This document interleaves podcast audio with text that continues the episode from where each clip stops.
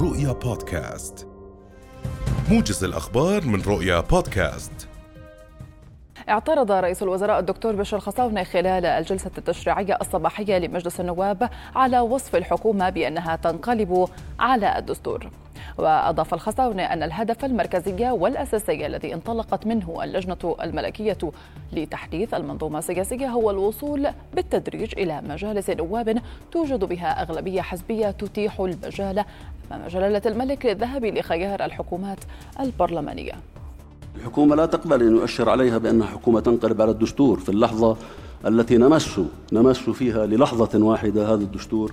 لا نكون جديرين بأن نجلس في هذه المقاعد أو أن نتصدى لهذه المسؤوليات. وهذه مسألة حاشا لله أن نكون من أهلها في لحظة من اللحظات. لا نحن ولا أعضاء هذا المجلس الكريم. وفي سياق متصل أكد رئيس مجلس النواب الأسبق عبد المنعم العودات خلال أولى جلسات مجلس النواب في الدورة العادية. أن الدستور يختلف عن كل التشريعات وأن نصوص الدستور تتكامل ولا تتعارض من جانبه. أيضا أوضح النائب صالح العرموطي أن مشروع القانون الخاص بالتعديلات الدستورية مخالف للدستور ولا يخدم مصلحة الأردنيين. أدانت الهيئة القضائية المختصة بجنح الفساد لدى محكمة صلح جزاء عمان مفتشا حكوميا يعمل في إحدى الوزارات الرسمية بجريمة استثمار الوظيفة العامة وقررت حبسه ستة أشهر وتغريمه مبلغ 500 دينار. وأصدرت المحكمة قرارها وجاهيا صباح اليوم خلال جلسة علنية بعد أن أنهت مراحل المحاكمة كافة واستمعت بها إلى الشهود. أوقفت وزارة المياه والري احترازيا. ضخ المياه في إحدى شوارع منطقة مؤتة بمحافظة الكرك. نتيجة عكورة المياه واختلاف نوعيتها وذلك لمنع وصولها إلى خزانات المواطنين.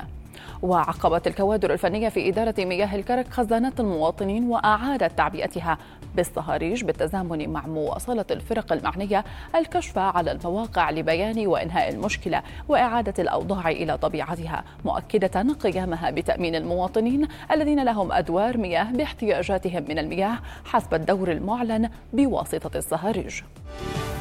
شهدت العاصمة السودانية الخرطوم توقيع اتفاق سياسي يقضي بإعادة رئيس الوزراء عبد الله حمدوك إلى رئاسة الحكومة في تراجع عن إجراءات الجيش التي قامت بعزله الشهر الماضي ثم قوبلت برفض في الشارع وتنديد دولي واسع. جهات دولية وإقليمية وعربية رحبت بالاتفاق السياسي في السودان القاضي بإعادة رئيس الوزراء عبد الله حمدوك إلى منصبه. كما شمل الاتفاق إطلاق سراح جميع المعتقلين السياسيين واستكمال المشاورات مع القوى السياسية بالإضافة إلى الاستمرار في إجراءات التوافق الدستوري والقانوني والسياسي الذي يحكم الفترة الانتقالية.